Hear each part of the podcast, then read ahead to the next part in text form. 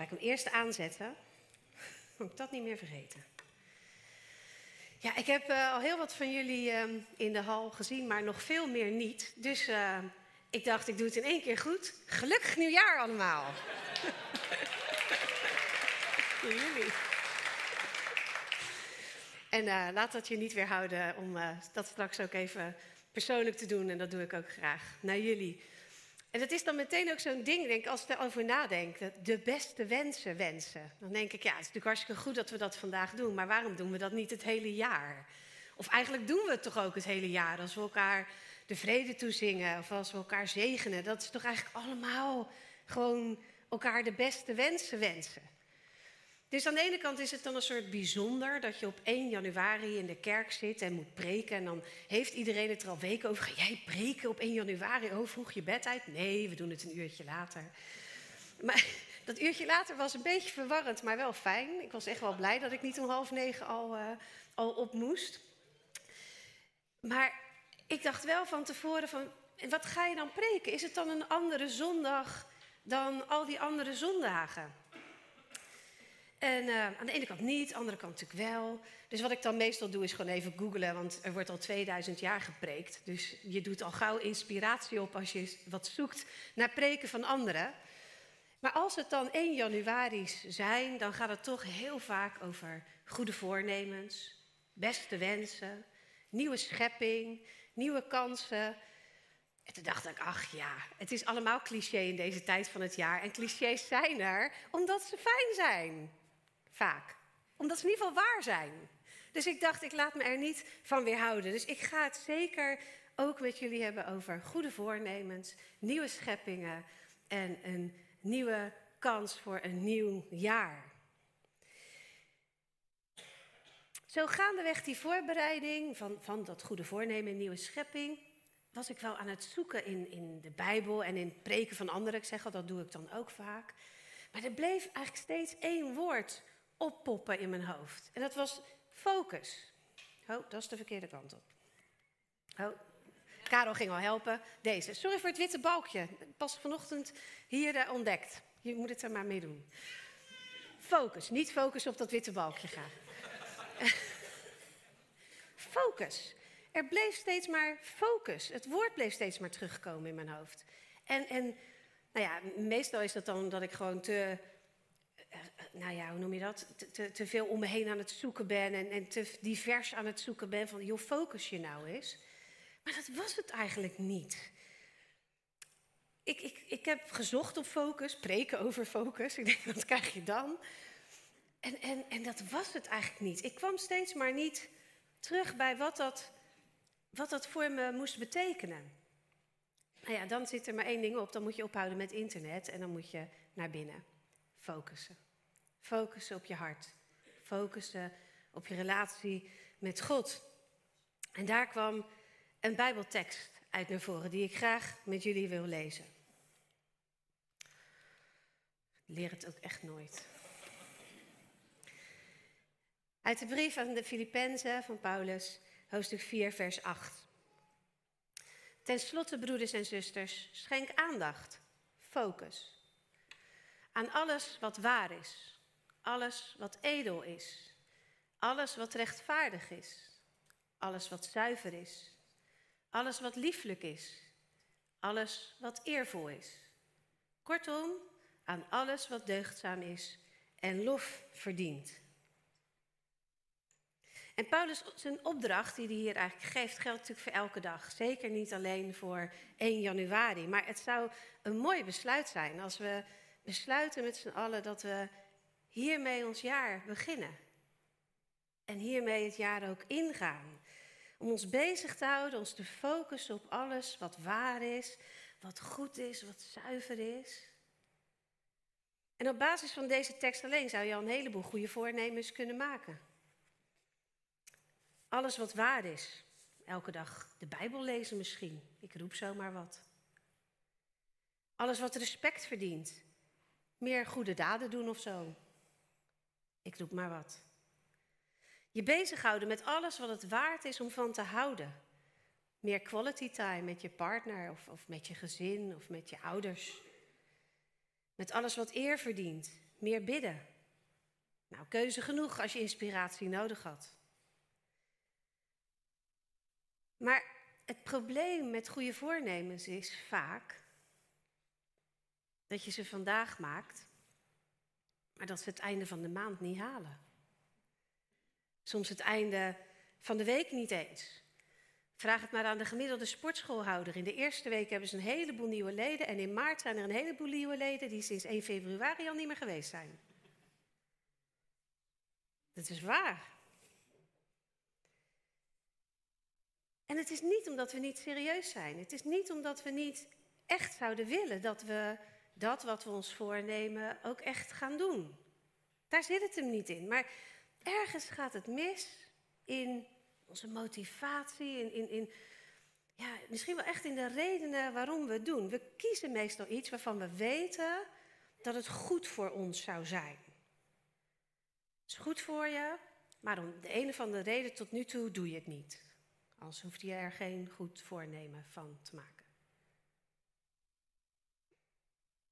Dus stel je besluit voor, dat je voortaan elke dag, misschien voor het slapen gaan of bij het opstaan, voortaan echt een stukje uit de Bijbel gaat lezen. Want je vindt echt dat je dat nodig hebt, dat dat goed voor je zou zijn. Terwijl je normaal zelden of nooit uit de Bijbel leest. Of dat je elke dag tijd gaat maken voor stil gebed. Je bent heus wel gewend om tussendoor zo wat dingen tegen God te zeggen, maar, maar niet dat je echt aparte tijd daarvoor hebt. Of je besluit voortaan elke dag te eindigen met vijf minuten de dag doornemen met je partner. Om elkaar echt even goed aan te kijken en, en, en je te verbinden met elkaar. Vijf minuten, dat moet toch wel lukken. Of, of elke dag een uur zonder telefoon om de volle aandacht te hebben voor je kind. Of voor iemand anders. Nou, ga zo maar door. En zoiets als vijf minuten of zo één moment op de dag, dat klinkt als een kleine verandering. Van, nou, dat moet toch kunnen. Dat klinkt als haalbaar. Maar het is niet zo moeilijk als je gedrag van de ene op de andere dag totaal veranderen, omdat je weet dat het goed voor je zou zijn. Als je alles zou doen wat goed voor je zou zijn, had je echt nooit goede voornemens nodig. Dus blijkbaar is het niet zo makkelijk. Ook niet voor vijf minuten. In ieder geval niet elke dag. Want op dag vier ben je het een keer vergeten. En dan voelt het alweer als falen. En op dag zeven weer. En dat voelt weer zo naar. En dat gevoel, dat, dat nare, dat, dat faalgevoel, dat wil niemand. En dus is het echt makkelijker om gewoon weer op te geven. Dan heb je dat gevoel van falen even, maar daarna is het weer weg. Word je daar niet meer elke dag mee geconfronteerd.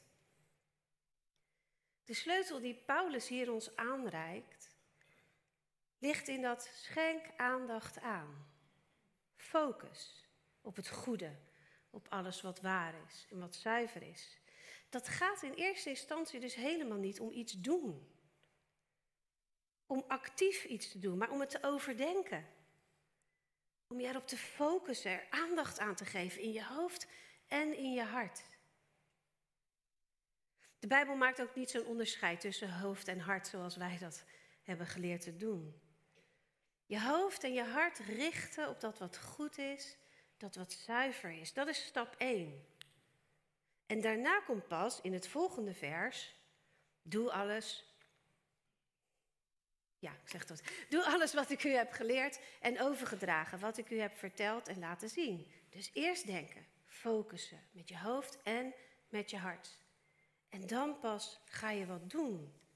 En waarom is dat de sleutel? Nou, omdat ik oprecht geloof dat goede dingen doen voor jezelf en voor anderen begint met aandacht. Met, met een werkelijke en groeiende bereidheid van het hart. Een hartsverlangen, het begint met liefde. Laten we de Bijbel nemen als voorbeeld. Als je de Bijbel bijvoorbeeld eens neerlegt op, op een plek waar je hem bewust ziet. Niet daar in die boekenkast waarvan je wel ergens vaag weet dat hij er staat, maar eigenlijk je aandacht altijd ontglipt. Nee, op een plek waar je hem steeds ziet. Zonder opdracht van ik ga elke dag vijf minuten lezen. Maar hem gewoon neerleggen. Hem in je bewustzijn nemen. En je gaat zo als je mis ziet, misschien eens wat nadenken over wat dat boek voor je betekent of zou kunnen betekenen voor je geloofsleven, voor je relatie met God, over de liefde. Maar ook over de drempels die je voelt misschien. Dat wat je weerhoudt, misschien wel de angst voor de moeilijke verhalen die er ook in staan. Waarom pak je hem nou niet?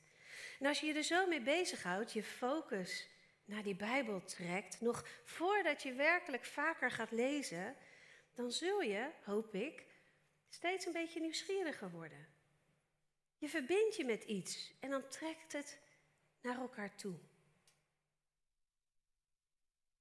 Het maakt in ieder geval de kans van slagen als je besluit, als je dan nog besluit dat je werkelijk meer in die Bijbel wil gaan lezen, maakt die kans groter.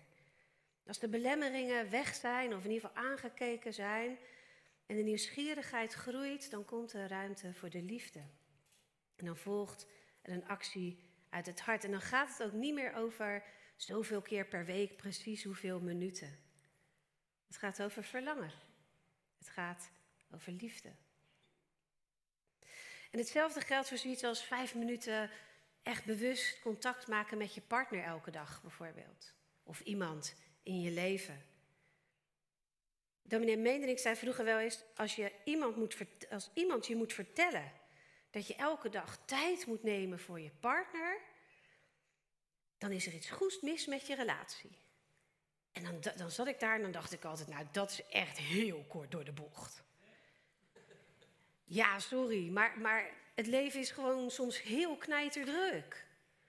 En natuurlijk weet ik wel dat ik elke dag tijd moet nemen voor mijn partner, maar soms vind ik die gewoon niet. Althans, het is prioriteit, dat weet ik wel. Maar, maar het, het, leven gaat gewoon soms heel snel. En die agenda's staan soms heel vol. En dan heb ik nog een baan dat ik vaak s'avonds weg ben en hij overdag. Dus je loopt elkaar ook nog eens onwillekeurig wat mis is veel te kort door de bocht dat er dan iets mis is met je relatie. Maar het is niet te kort door de bocht om te zeggen dat als je het volhoudt dat er iets mis gaat zijn met je relatie. Het is wel belangrijk om je met elkaar te verbinden. Dus zo'n besluit met het hoofd van vijf minuten per dag verbinden is goed, maar het werkt vaak niet, want daarom heb je er een goed voornemen voor nodig. Als je dat dan makkelijk deed, dan had je dat voornemen niet nodig. Dus hoe dan wel? Ook daar begint het, volgens mij, met focus. Een focus binnen in jou. Hou je weer eens bewust wat vaker met je partner bezig, zonder daar tijd en dag en zo aan te koppelen. Maar gewoon door een besluit te nemen. Focus. Kijk weer eens echt naar die ander als je toevallig wel een avond samen aan tafel zit. Kijk weer eens echt. Of als die er niet is op het moment dat je tijd hebt, pak eens een fotoalbum van vroeger uit de kast. Die hadden we vroeger. Voor al die kinderen die alleen maar telefoons hebben. De meeste van ons die in een relatie zitten hebben fotoalbums van vroeger. En anders pak je je telefoon. En ik zeg het nu over een partner, maar het kan ook gaan over een vriendschap. Of over een, een, een hele andere relatie in je leven. Maar focus. Voel de liefde die je voor die ander ooit voelde en waarvan je weet dat die er nu ook is, maar waar je misschien wat moeilijker bij kan door de drukte. En ook daar, misschien kom je ook wel belemmeringen tegen. En denk je, oh, maar het is ook eigenlijk heel spannend om weer vijf minuten echt tegenover elkaar te gaan zitten. Maar dat is dan ook belangrijk om dat te weten. En daarover na te denken, en misschien wel met elkaar over te gaan hebben. Als je dat zo doet, zo is een tijdje, je focus legt op die relatie. Zonder het moet zo lang en zo vaak. Dan ontstaat er hopelijk vanuit het hart ook weer verlangen. Voelbaar. En of dat dan leidt naar vijf minuten per dag of iets anders, is dan niet zo belangrijk. Voel je het verschil? Een goed voornemen is eerst en vooral iets rationeels, wat je daarna wil gaan doen. Het gaat over wat goed voor je is, wat je zou moeten doen. Nou, daar heb je al meteen de key waarom het ons meestal niet lukt. We laten ons niet zo graag vertellen wat we zouden moeten doen, zelfs niet door onszelf. Het gaat niet per se over wat je wilt, over waar je werkelijk naar verlangt. Misschien is het wel hetzelfde, maar zonder je hart erin te betrekken, haalt het voornemen het einde van de maand niet. Die stap die gaat over je ermee bezighouden, je nadenken, voelen, en op mediteren misschien wel. Die brengt dat je je hart kunt gaan volgen in hoe het eruit mag zien. En dan zegt Paulus, doe het en de God van de vrede zal met u zijn. Dan, als je je focust op je hart, als het gaat vanuit verlangen, kun je vanuit rust en vanuit liefde de dingen doen die goed, zuiver en waar zijn. Niet omdat het moet, maar omdat het kan. Dat is een reclame van nog niet zo lang geleden. Maar vooral omdat je er naar verlangt. Omdat het is wat je ten diepste wilt. Dan heb ik nog een tip over focus. Zeker als het gaat om goede voornemens. Doe geen goed voornemen dit jaar. Als je er één nu bedacht hebt, hup van tafel. Kies in plaats daarvan een thema. Een jaarthema, een kwartaalthema, maakt me niet uit. En als je al een goed voornemen had, zorg dan dat het daarmee te maken heeft. Want dat goede voornemen komt natuurlijk wel uit een goede bron. Het is waarschijnlijk goed voor je, anders had je er geen goed voornemen van gemaakt. Maar kies een thema. Een thema waar je je op kan focussen. Dat is veel effectiever dan één specifiek voornemen. Ik gaf net het voorbeeld van die tijd met je partner. Dat is al een goed voorbeeld. Stel je komt zo eens tot de conclusie dat je relatie echt meer tijd en aandacht nodig heeft. Omdat jullie door een moeilijke tijd misschien wel heen zijn gegaan. Of omdat je elkaar wat uit het oog verloren bent. Maar dan is je focus dus, je thema, is je partner of je relatie. Een jaarthema.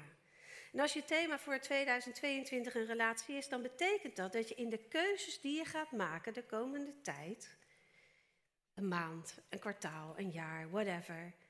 Dat je je sterk gaat laten leiden door de focus op die relatie. Dat de keuzes die daaraan afdoen dus minder vanzelfsprekend worden. Als je dan moet kiezen tussen een avondje uit met je vriendinnen of een avondje thuis met je man, dan is de keuze voor je man. Nou, zo zwart-wit is het niet en ook zeker in mijn leven niet. Dus, maar het wordt in ieder geval een bewuste keuze. Het wordt een bewuste keuze. Je zou zelfs tegen je vriendinnen kunnen zeggen dat je focus dit jaar wat scherper op je relatie ligt en dat je dus wel in zo'n situatie wat vaker dan voorheen, dit jaar in het bijzonder, voor je man zou kunnen kiezen. Omdat je relatie dat nu even nodig heeft. Of, of je thema wordt zelfzorg. Of nog specifieker je gezondheid dan maak je dus keuzes rondom eten, tijd, sporten, slapen, die dat gaan bevorderen dit jaar. Dat wordt je focus. Of je thema wordt groeien in geloof. Dan, dan denk je misschien, als je onverwacht een uurtje vrij hebt, oh ja, wat was mijn focus van dit jaar ook alweer? Nou, dan maar even geen serietje kijken op Netflix maar een stukje uit de Bijbel lezen of in een ander boek over God. Of, of ik neem even de tijd om te bidden, om, om stil te zijn. Of iedere keer als je tegen iemand zegt, ik zal ervoor bidden, dan schrijf je het ook even op. Misschien in je telefoon of in een klein boekje wat je bij je gaat dragen. En als je dan eens wat tijd over hebt, dan pak je dat en dan bid je. Begrijp je een beetje wat ik bedoel? Het, het, het, Kies een thema. En daar kun je ook voor bidden trouwens. Als je, als je niet zomaar een thema zou weten, kun je ook bidden dat God je een thema in gedachten geeft. En volg dan het advies van Paulus van vandaag. Hou je er eerst gewoon eens een tijdje mee bezig. Met je hoofd en met je hart. Neem daar misschien de januari maand eens voor. En kijk dan eens welke actie of acties daaruit voort willen vloeien. En ik zei al eerder dat voornemens vaak opgegeven worden omdat we een keer falen en dan liever stoppen dan het risico lopen om dat gevoel steeds terug te hebben. Maar met zo'n thema of zo'n focus heb je dat dus ook helemaal niet. Want het gaat helemaal niet over dat het wel of niet lukt. Het gaat helemaal niet over slagen of falen. Het is gewoon leidend. in de keuzes die we willen maken. Ontspanning. En je mag ook best een keuze maken die niet past bij je focus. Dat is geen falen, dat is keuzes maken. Het feit dat je één focus kiest betekent niet dat er verder niks anders meer bestaat waar je voor zou mogen kiezen. Het geeft ontspanning. Het gaat niet om volhouden. Het gaat om aandacht geven, je ermee bezighouden en vanuit je hart keuzes maken. En ja, ik had ze nog even staan. Kijk, focus, beetje klein. Het gaat vanuit je hart, verlangen. En dan heb je wel dat ene woord weer nodig. Ik zie al een paar gezichten vertrekken. En dat heb ik ook.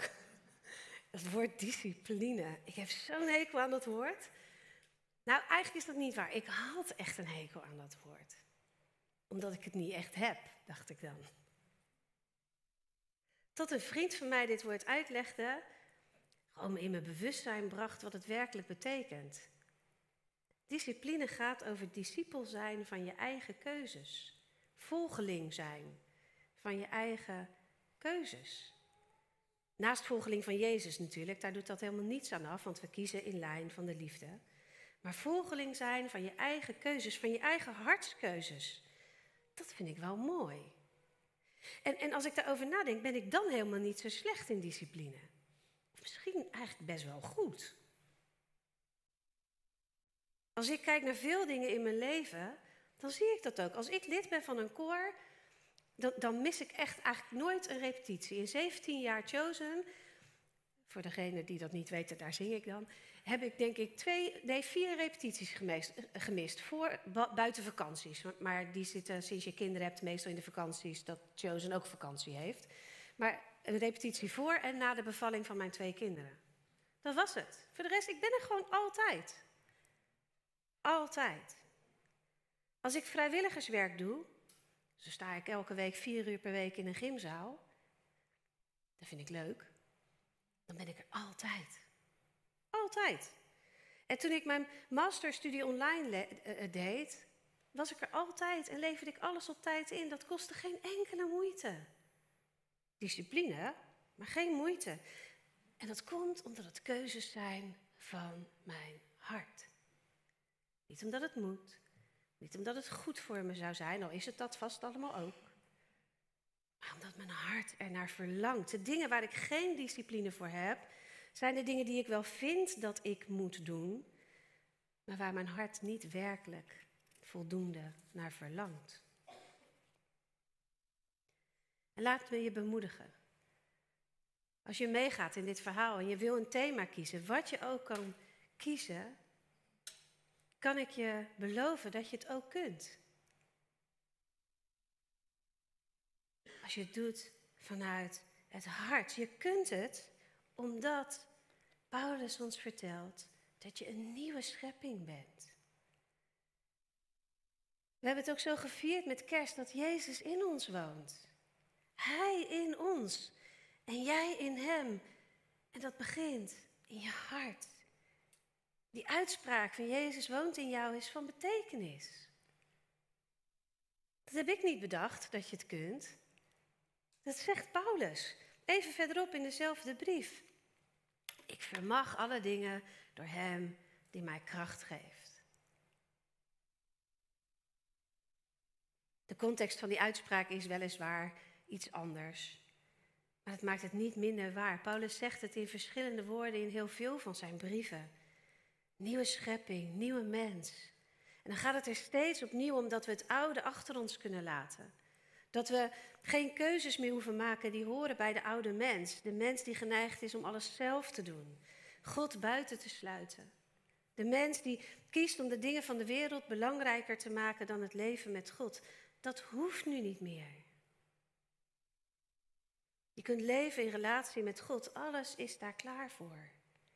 Je kunt keuzes maken die passen bij een nieuwe mens die steeds op weg is om meer op Jezus te gaan lijken. En daarvoor is die stap van het hart essentieel. Het kan niet zonder, want daar is Jezus. Het is de plek waar we ons het gemakkelijkst met Hem kunnen verbinden.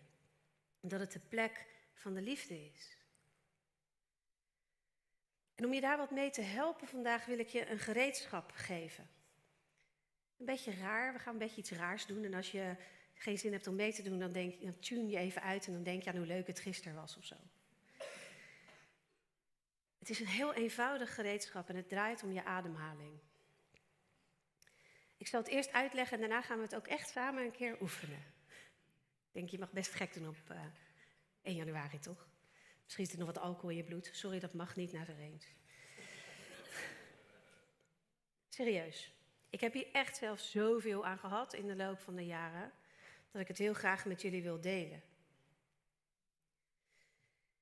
We gaan straks uh, even je ogen sluiten. Het mag ook met je ogen open, maar kijk dan een beetje naar beneden en niet helemaal naar dat podium of zo. Dan adem je diep in, liefst door je neus als die open is. En je volgt met je aandacht je adem naar je hartstreek. Dan bedoel ik niet dat ding wat hier klopt, dat is belangrijk, maar ik bedoel dat waar we liefde ervaren. Dus hier naartoe, je volgt gewoon je adem.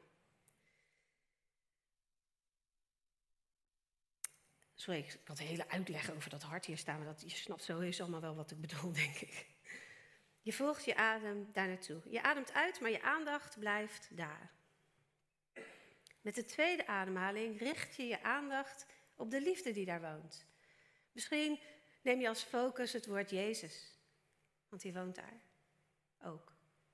Of het woord liefde, of God, of Heilige Geest, dat maakt niet zo uit. Maar de kern ervan is liefde.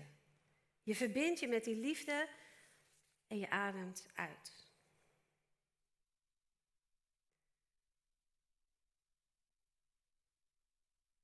Vervolgens ademen we nog één keer in. Ik, nou, ik, laat ik het goed zeggen. Als je dit thuis nog eens zou herhalen, dan kun je dat een tijdje blijven doen. Dan blijf je in die ademhaling en focus je op liefde, op Jezus of iets dergelijks. Maar voor vandaag gaan we meteen door en dat is al echt genoeg. Je blijft in verbinding met, je liefde, met de liefde in je hart, maar met die derde ademhaling richt je je aandacht weer op buiten. Open je ook je ogen als je ze dicht had en je ademt liefde uit. Nou, allemaal hocus pocus, maar we gaan het gewoon doen. Dus nogmaals, tune uit als je dit soort dingen niet leuk vindt en anders doe mee. Sluit je ogen of, of, of richt je blik wat naar beneden. En adem in door je neus. Volg je ademhaling naar je hartstreek. En adem rustig uit. De tweede ademhaling richt je Aandacht nog steeds op je hartstreek. Adem in op liefde of Jezus. Voel hoe dat groeit in je hartstreek. En adem uit.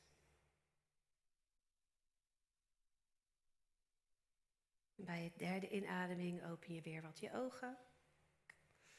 En adem je liefde uit.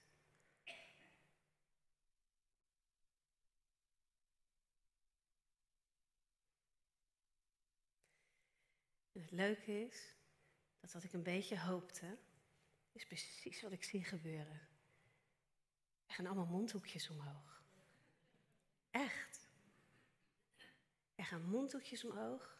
Ogen kijken anders, zachter. Dat is wat ik zelf altijd ervaar als ik dit doe. Ogen worden zachter. En dat zie ik. Misschien voel je nu niks. Probeer het dan thuis nog eens. Want dit is hoe je je verbindt met de liefde in je hart. Ik word er ook rustiger van of meer aanwezig. Maar misschien is het voor jou niet helemaal dat en dat doet er ook niet toe. Het is jouw ervaring, maar het is jouw verbinding met Jezus die in je woont. Oefen dit af en toe eens. Het is echt de moeite waard. Want het brengt je bij de focus van het hart. Het helpt je hart om te focussen. Het is maar hoe je het bekijkt. Vanuit dit bewustzijn van Christus, het Christusbewustzijn, wordt het veel gemakkelijker om keuzes te maken die passen bij de nieuwe mens. En ik snap, in het dagelijks leven heb je niet in elk moment tijd om dit te doen, maar het is maar kort, hè? En hoe vaker je dit oefent, hoe makkelijker het wordt in een paar ademhalingen. Voordat je keuzes maakt. De keuzes van je hart, je hartsverlangen in verbinding met Hem. Maakt dat je focus scherper wordt op wat zuiver, wat, wat zuiver is, wat het waard is om van te houden en wat eer verdient. Je kunt het, omdat jij in Christus bent en Hij in jou. Een goed voornemen of een jaarthema begint met liefde. Amen.